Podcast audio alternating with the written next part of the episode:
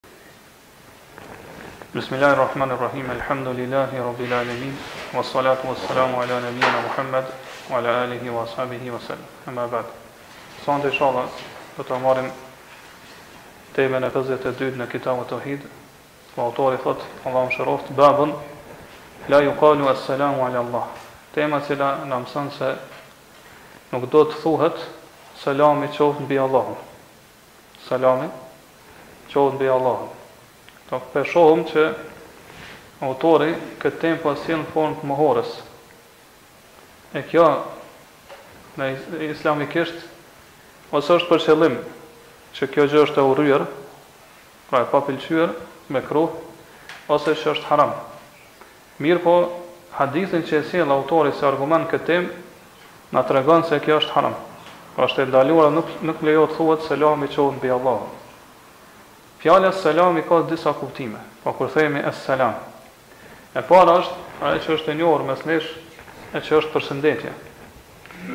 Kur thu arabisht Sellim ala fulan, bëni selam filanit, për qëllim është, do të thotë përshëndete me selam. Kuptimi i dytë është prej selametit. Pra selam do thotë selamet, që njeriu me qenë i shpëtuar prej mangësive edhe fitneteve. Kjo është kur ne themi, për shembull në teshehhud, Eselamu alejke ejuhen nebiju, wa rahmetullahi wa berekatuh, Selami qoftë mbi ty, o pejgamber edhe mëshira e Allahut dhe bekimet e tij.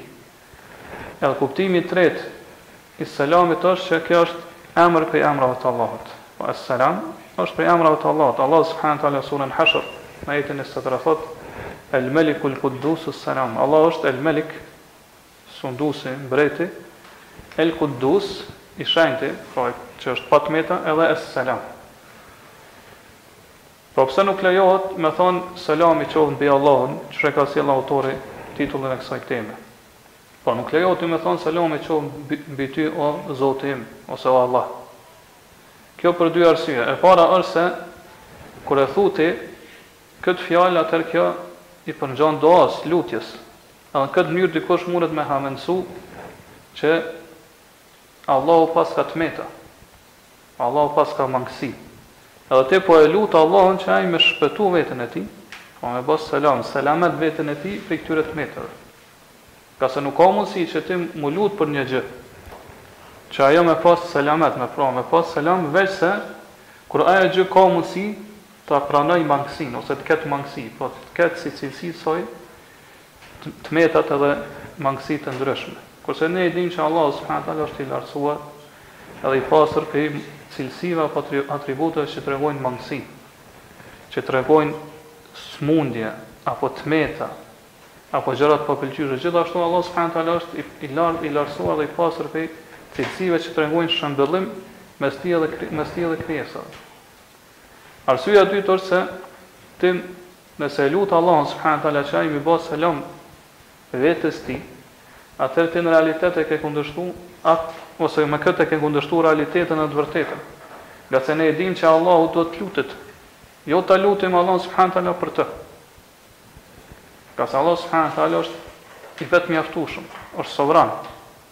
i pavarur ndaj nesh.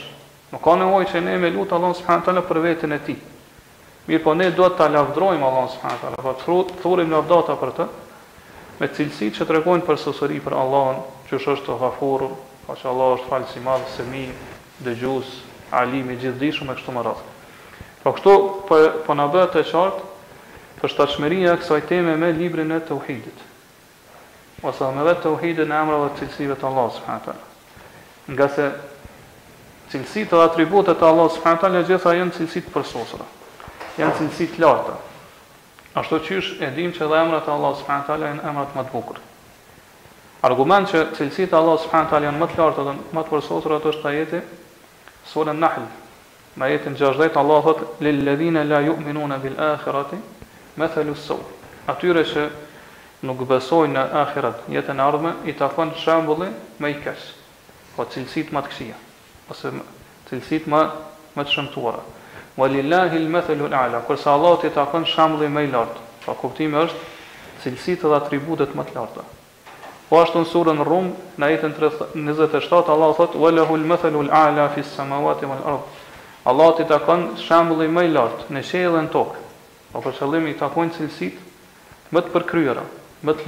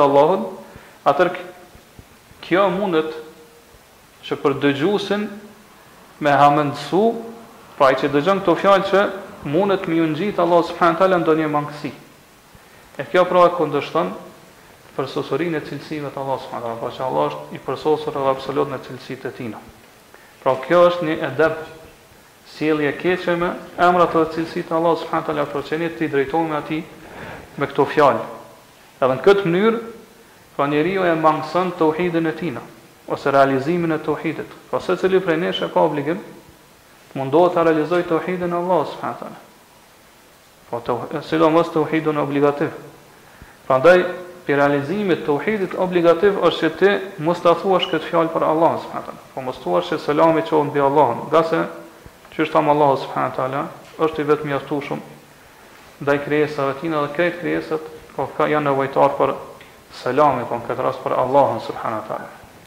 Po ashtu, kjo temë ka lidhshmëri dhe me temën pararendëse që ka qenë para kësaj, e që ishte tema se Allahut i takojnë edhe i përkasin emrat më të bukur.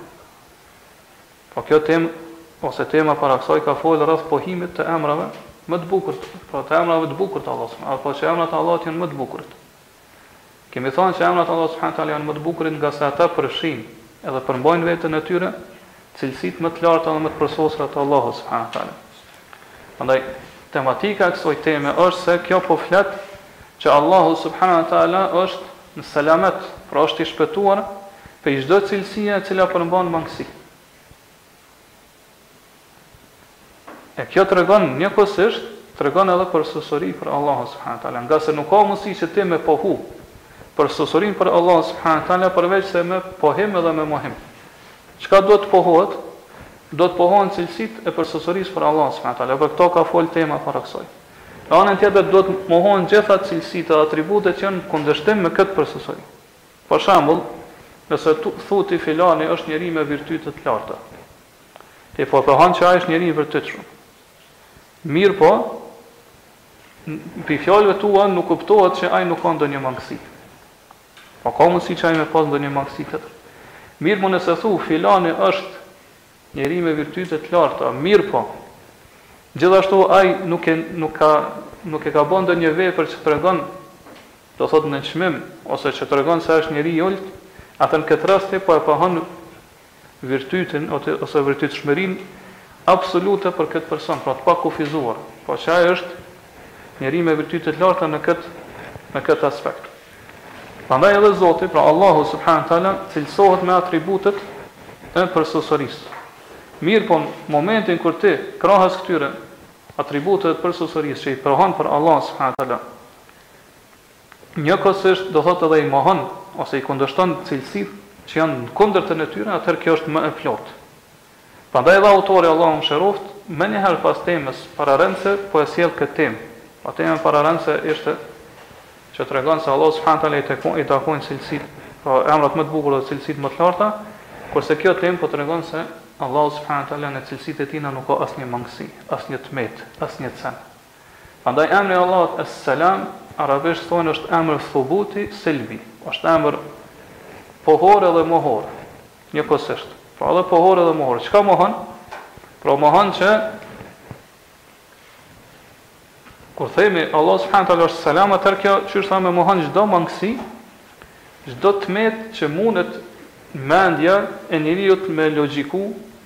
Ose me mendu ose me paraftyru për Allahun subhane wa taala edhe për cilësitë e Tina. Emri Selam i mohon gjitha këto.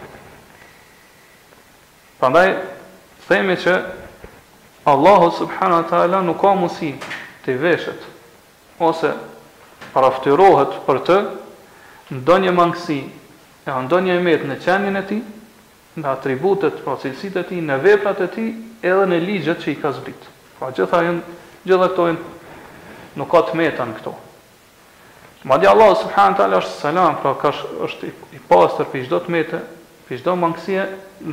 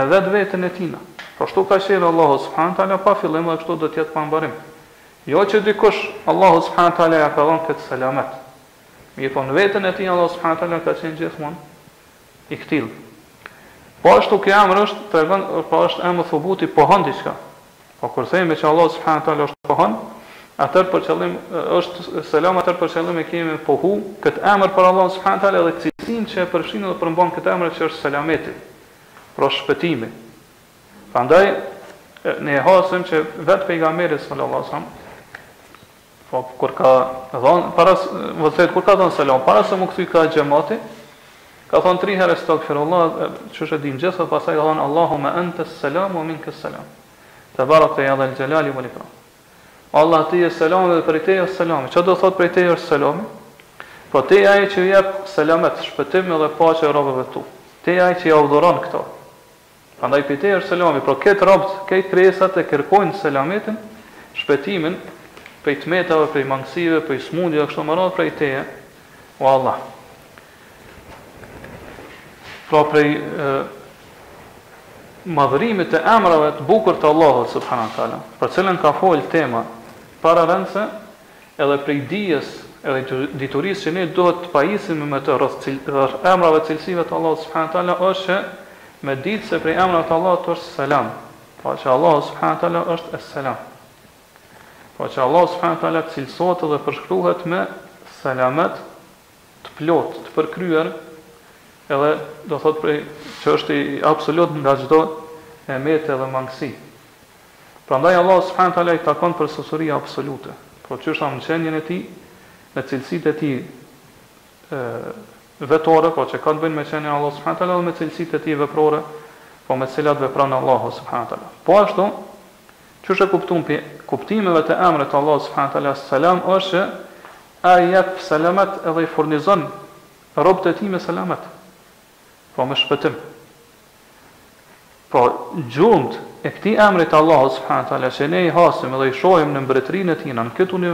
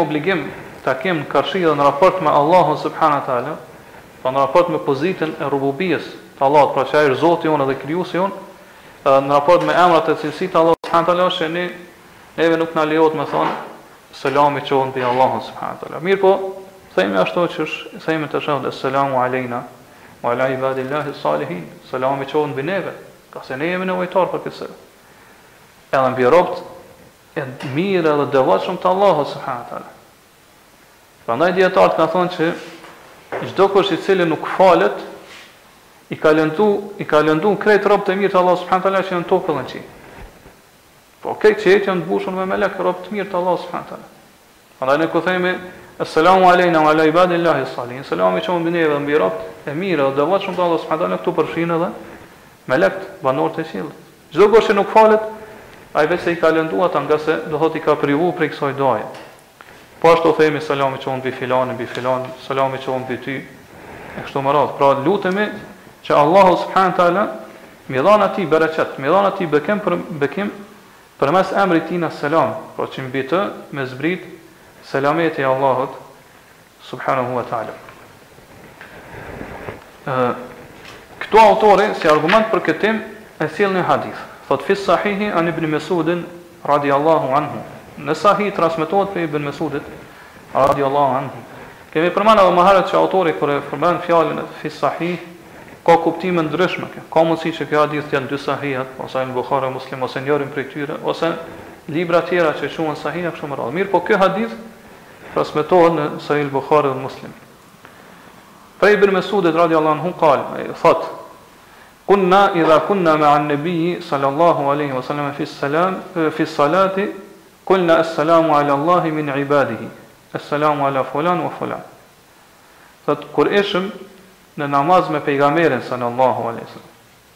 Pra zakonisht kur sahabët thonë ishim në namaz me Pejgamberin sallallahu alajhi wasallam atëherë për qëllim janë namazet farze. Ngase do thotë xhemati është ligjësu për namazet farze. E ligjësimi i xhematit për namazet që nuk janë farze është i paktë, qysh është rasti për shembull namazi i istiskas, i kërkimit shiut e kështu me radhë. Thotë kur ishim namaz me pejgamberin s.a.s. ne thoshim Esselamu ala Allahi ala Allahi min ibadihi. Selami qoftë mbi Allahun prej robërve të tij. Selami qoftë mbi filanin dhe filanin, kanë filluar me numru. Po qëllimi ku e kanë thonë ata këtë e kanë thonë n'teshehud, pra n'teshehudin e fundit qysh ka ardhë në disa transmetime tjera të këtij hadithit,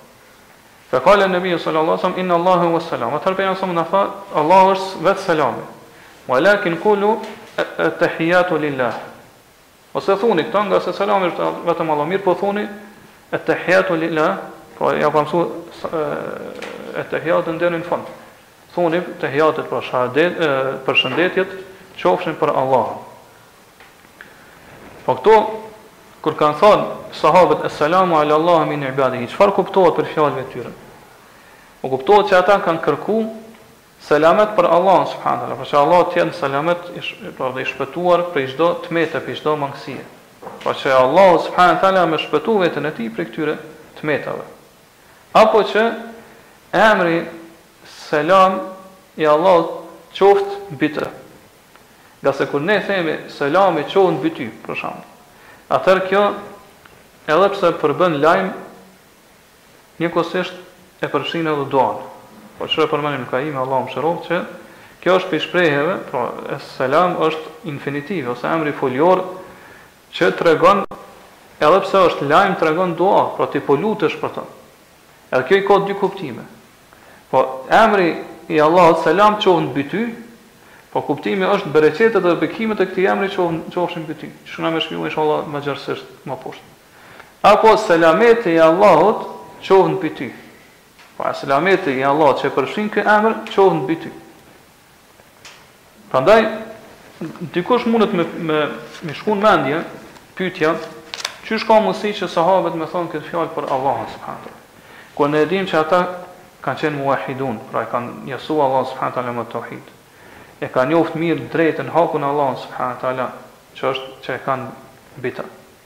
Qysh ka mundësi që sahabët me thonë këtë fjalë për Allahun subhanehu te ala? Përgjigja për këtë është se sahabët e kanë thënë këtë duke mendu që kjo thjesht është përshëndetje, dhe nuk e kanë paramendu këtë kuptim, pra nuk kanë mendu që kjo fjalë e përfshin këtë kuptim që e shpjegum deri tash.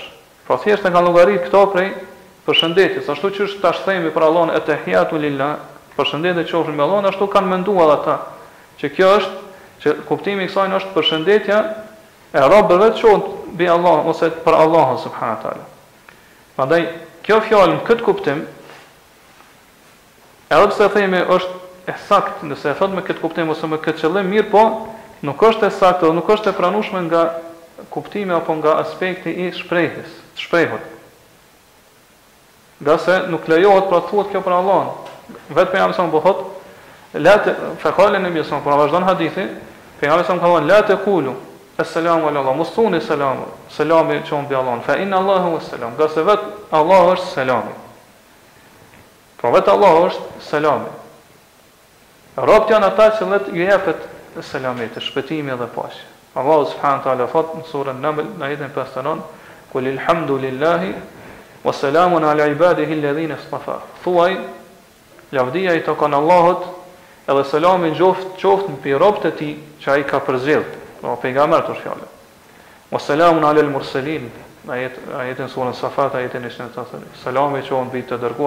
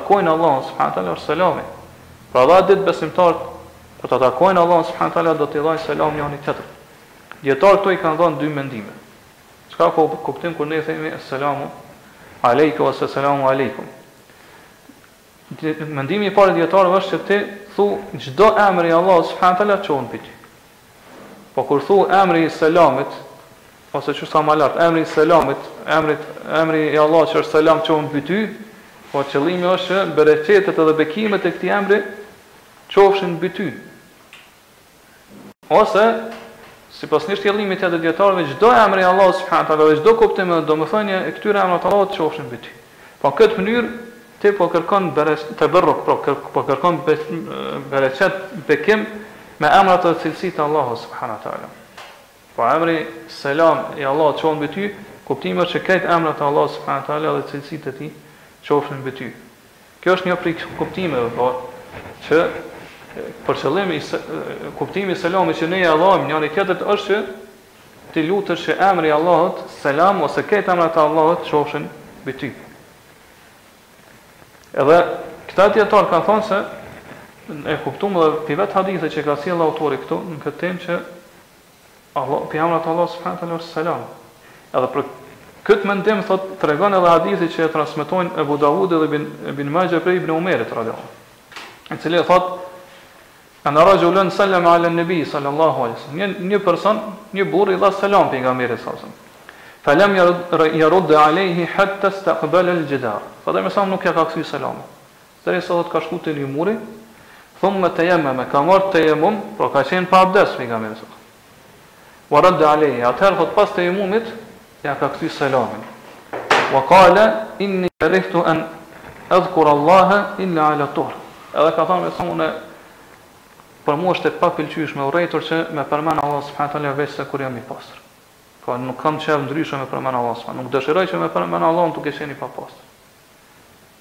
Prandaj këta dijetarë thonë, kjo tregon se e sqaron se selami është dhikr, është përmendje e Allahut subhanahu wa taala.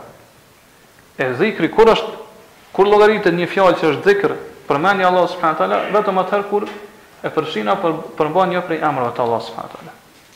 E kjo do thotë tregon se selam është kur i themi njëri tjetrit eselamu alejkum është që ti po lutesh që emri selam i Allahut qoftë mbi ty.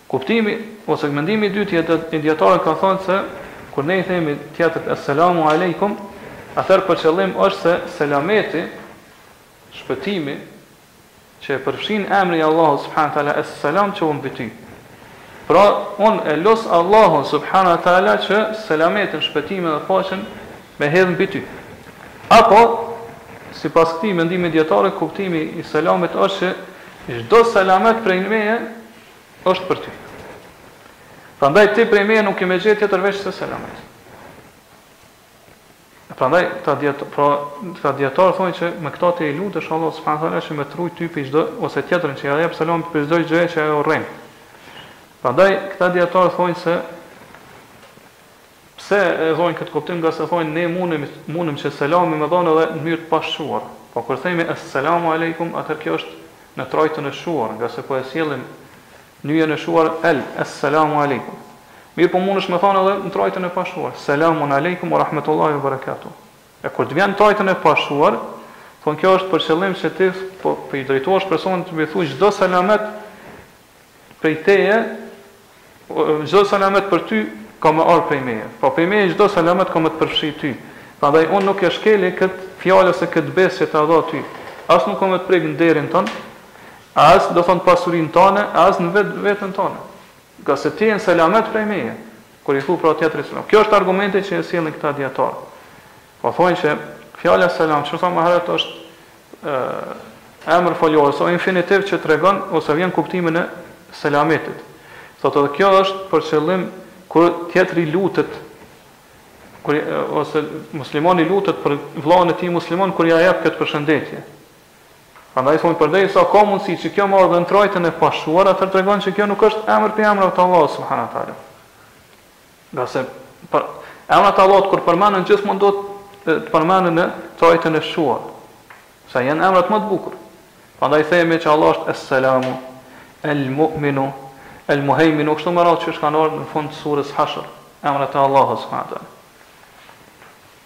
Andaj këta thonë kur ti e sjell një fjalë në trajtën e pashquar atëherë nuk ka mundësi që ti me atë fjalë me pas për qëllim një person të caktuar, e mos flasim pra që me pas për qëllim një emër prej emrave të Allahut subhane teala.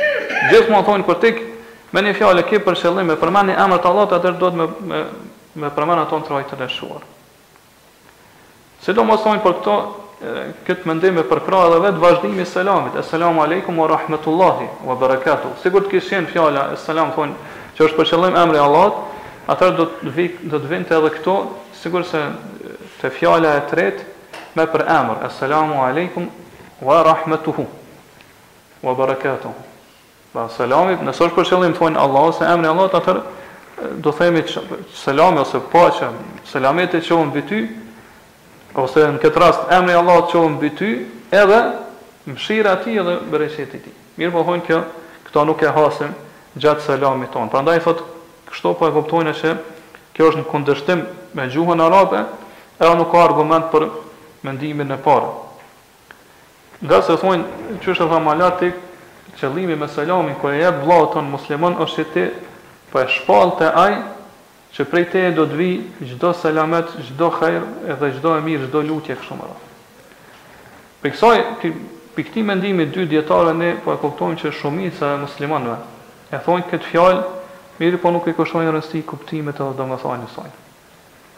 Po i thu vllaut tina Assalamu Alejkum, pra sikur këtë rast ti po ja jep besën atina, që ai prej teje ka me pas veç selamet.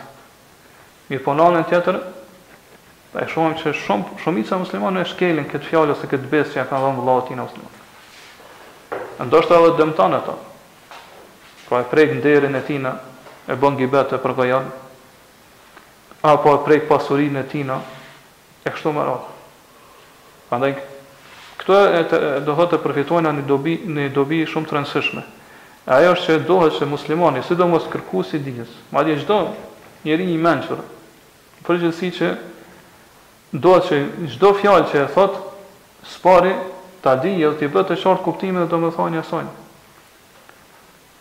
Pra me, nëse e thu ni fjalë, edhe nuk e din kuptimin edhe domethënien e saj, atëherë kjo është mangësi për ty. Nuk është pra prej moralit dhe sjelljes të burrave, që janë tamon burra, që me thanë fjalë të cilat nuk i kushtojnë rëndësi kuptimit dhe domethënies tyre.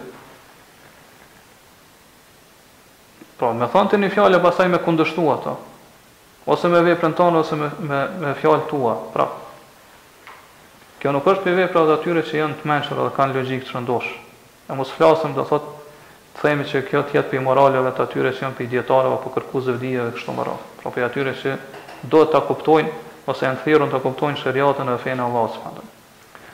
Sidoqoftë, ne themi në fund që e vërteta është se fjala Es-selamu alejkum i përfshin të dyja këto kuptime.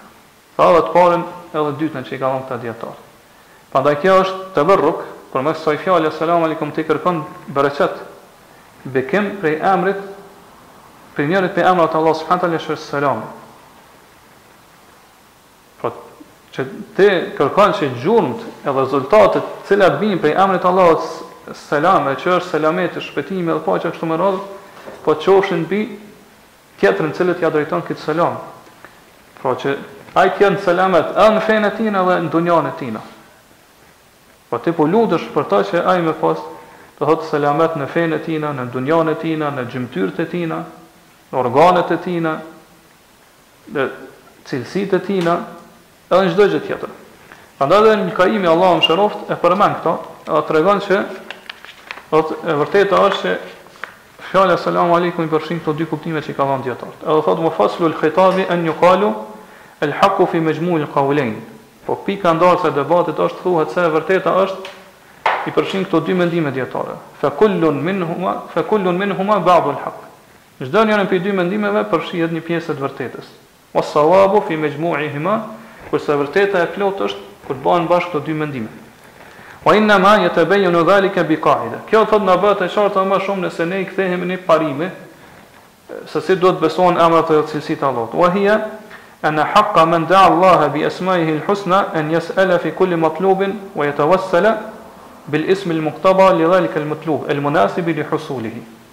Fel haku, Edhe e vërteta asht se çdo kush, i cili e lut Allahun subhane wa ta'ala përmes emrave të Tij të bukur, atëherë duhet t'i drejtohet Allahut subhane wa ta'ala me lutje, për çdo gjë që kërkon prej Allahut subhane wa ta'ala, që kur t'i drejtohet pra Allahut subhane wa ta'ala me lutje, Atëherë ai duhet të kërkojë tawassul, pra kërkojë afrim te Allahu subhanahu wa taala, ndërmjetësim te Allahu subhanahu wa taala përmes një emri të Allahut subhanahu wa taala i cili e kërkon atë gjë të cilën ti po e lyp prej Allahut subhanahu wa taala. Pra që është e përshtatshme me atë gjë që ti po e kërkon ta jap Allahu subhanahu wa taala.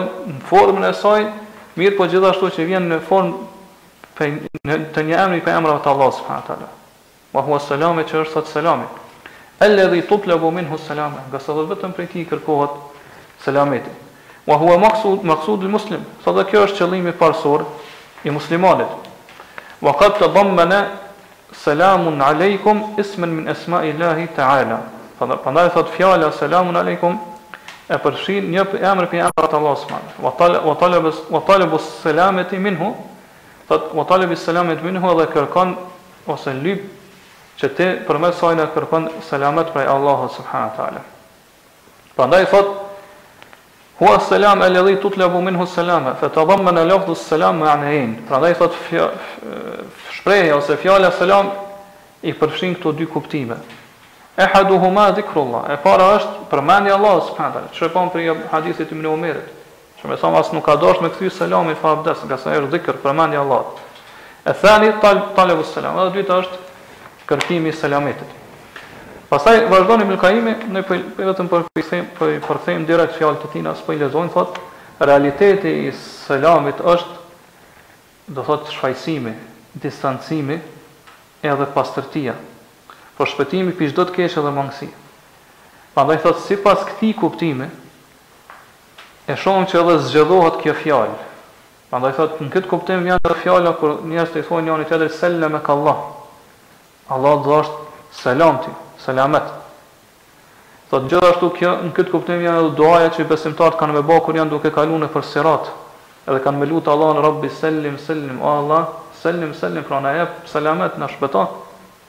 me kalu pra na jep selamet me kalu urën e siratit wa minhu selime shej'u li fulan pra në këtë kuptim vjen edhe fjala selime shej pra një gjë është selam për filanin pra qëllimi është që është e pastër vetëm për të është e veçantë vetëm për të prandaj thot kale te ala Allahu ka thon këtë kuptim daraballahu mathalan rajulan fihi shuraka mutashakisun Allahu e ka sjell një shembull Një njeri i cili ka pronarë të ndryshëm, po një skllav, një rob, ka pronarë të ndryshëm, thotë edhe ata janë vazhdimisht luftë me njëri tjetrin, se kush po bëhet pronari i tina. Wa rajulan salaman li rajul, thotë edhe personi tjetër që është skllav rob vetëm i një personi edhe ju ka përkushtuar atina. Allahu subhanahu wa taala këtë shembull e sjell për Besimtarin që e bën tauhid Allahun dhe për mushrikun. Po ky person është i veçantë, është i pastër vetëm për pronarin e tina, por nuk ka pronarë të tjerë. Askush tjetër nuk ka, do thot pronësi ndaj tina. Thot wa minhu as-silmu dhiddu al-harb. Këtë kuptim janë edhe fjala silm, paqe, që është kundërshtim me luftën.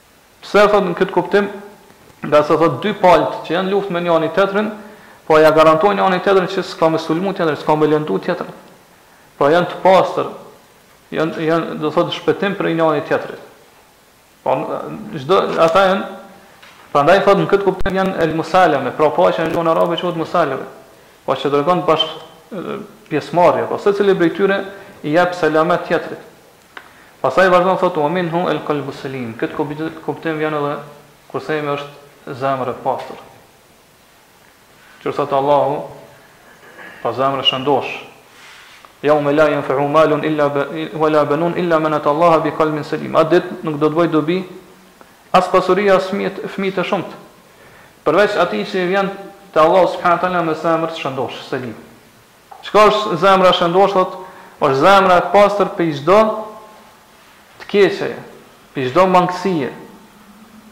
E vërteta e kësaj zemre është thot që njeriu këtë zemër ja ka dorëzu vetëm Allahut subhanu teala. Prandaj kjo thot është zemër e pastër prej të metave dhe të këqijave të shirkut dhe të mëkateve dhe të gjynaheve.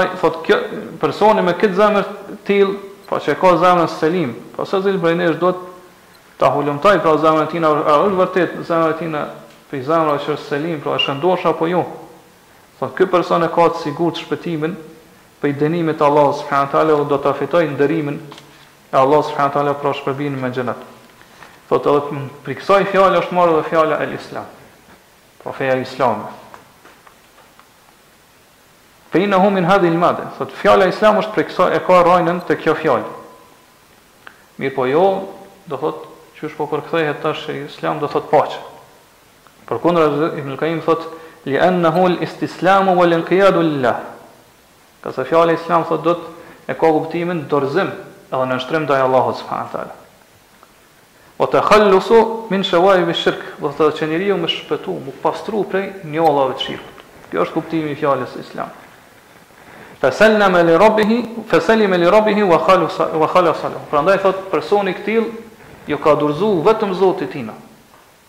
Edhe zemrën tina thot në mënyrë të pastër, të shëndosh ja ka dorëzu vetëm atina. Thotë sikurse robi që e përmendëm më lart në ajetet që i lexuam ose ajetin që lexuam i cili do thotë Është i veçantë ose i ka përkushtu vetëm zotërisë tina, pra skllavi, po nuk ka ai shumë pronarë të cilët pastaj kanë mospajtime mes tyre se kujt i takon ai rob. Prandaj thotë, i ngjashëm thotë është personi i cili vetëm vetëm Zotit ju ka dorëzu, vetëm Allahut subhanahu wa taala.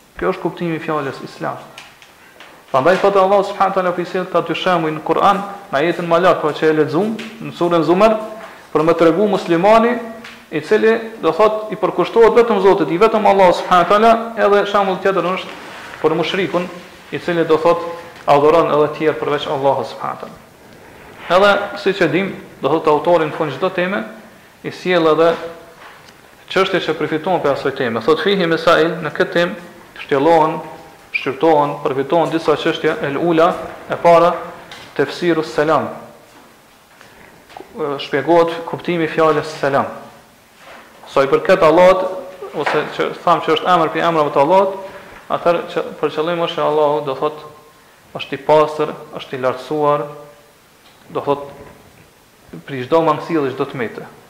Ndërsa sa i përket përshëndetjes, selamit, qysh e shpjegum më lart, ose është për qëllim që ismus selami alejk, kur themi eselamu alejk, pra është, ë, nënkuptohet fjala ism, edhe pse nuk përmendet, ismus selami alejk, emri, selami i Allahut qoftë mbi ty, ose për qëllim, qysh thamë, është që Allahu subhanahu wa taala të dhashtë selamet, pra shpëtim, paqe,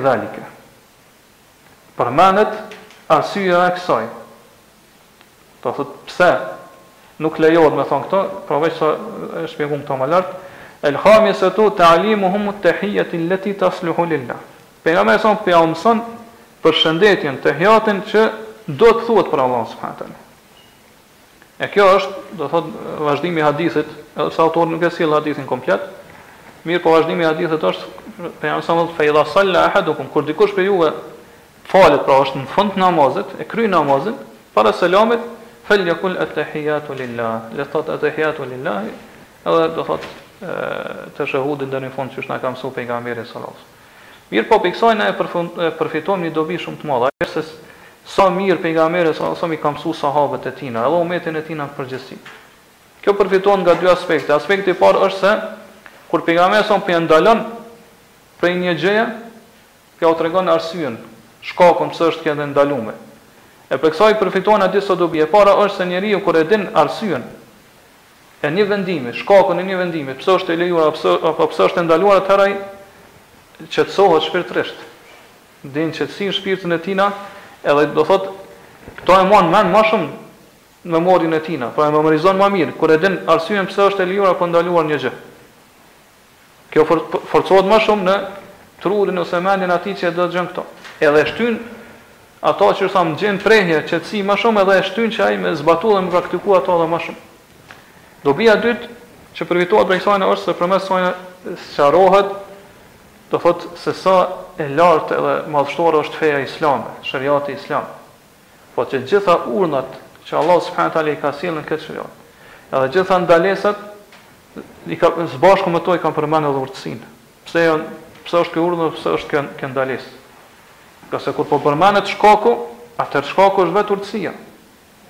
Po kur përmendet shkaku, pse është e lejuar, pse është ndaluar një gjë, atëherë ajo tregon edhe urtësinë. Edhe tre, e treta që përfitohet prej kësaj është se Me këto ne mund me ba kijas, analogji, gjitha vepra tjera ose gjitha adhurime tjera të cilat do thotë marrin pjesë ose kanë të njëjtën arsye, të njëjtën shkak. Ngase dijetarët thonë el hukmu mea illetihi. Vendimi do thot jeduru mea illetihi, vërtitet me shkakun, arsyen. Kudo që ekziston arsyeja dhe shkaku, ne mund me me bë kijas analogji që edhe kjo lejohet apo ndalohet duke u bazu në atë vendimin apo në atë gjykimin tjetër apo ligjin dispozitën tjetër që e dimë. Aspekti i dytë është se kur pejgamberi sallallahu alaihi wasallam, pra që e tregon se sa mirë i ka mësuar ai shokët e tij është se kur po jau ndalon një gjë, Po jau përmend tjetrën që është e lejuar. Prandaj prej kësaj ne përfitojna se çdo njeri prej nesh kur jau përmendim njerëzve që një gjë është e ndaluar dhe haram, nuk duhet të ndalemi vetëm këtu. Mirëpo nëse e dimë ose nëse ekziston diçka që vjen karshi saj, përballë saj që është e lejuar duhet me ia përmend atina. Do thotë jo ta lajmë njerin në konfuzion, kjo është e ndaluar dhe kaq. Mirëpo me ia ndalu një gjë, me ia përmend tjetrën që është e lejuar. Kështu na ka mësuar pra Pejgamberi salallahu alejhi ue selem dhe argumentet për këto janë të shumta prej Kuranit dhe Sunetit, i kemi përmend disa prej tyre edhe në derset e kaluar. Gjithashtu prej gjërave të tjera që përfitohen prej hadithit është që njeriu nuk duhet ta miratojë edhe ta pranojë ndalesën ose një gjë që është e ndaluar, nuk duhet ta miratojë atë. Pejgamberi salallahu alejhi ue selem menjëherë po i ndalon sahabët, po mos thoni Esselamu alallah, mos thoni Selami qoftë mbi Allahun. Kjo është obligim për çdo musliman. Sidomos është obligim për dijetarët, pra që njerëzve t'jau t'jau sqarojnë çështjet e fesë, mirë që ata mos me vazhdu në gjëra që janë ndalume, edhe me mendu që ato janë të lejuara. Mirëpo veç dijetarëve e kemi edhe na obligim, domthonë te familjarët tonë, te të t'afërmit tonë, mos me iau miratu, mos me iau pohu atyre të keqen edhe ndales gjërat të ndalume që po i veprojnë. Duhet me iau sqaru që që ajo është e ndalume e pastaj ata zgjedhin vetë a me vazhdu në to apo jo.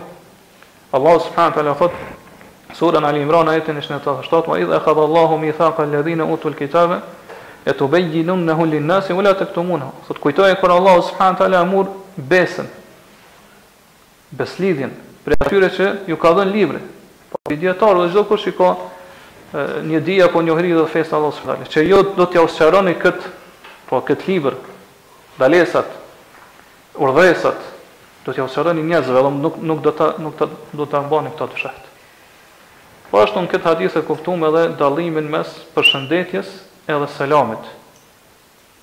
Pra që përshëndetja lejohet të thuhet për Allahun, madje ai e meriton, edhe është madhërim për Allahun subhanahu teala. Kur thonë at-tahiyatu lillah, përshëndetjet qofshin për Allahun subhanahu teala. Ai e meriton këtë.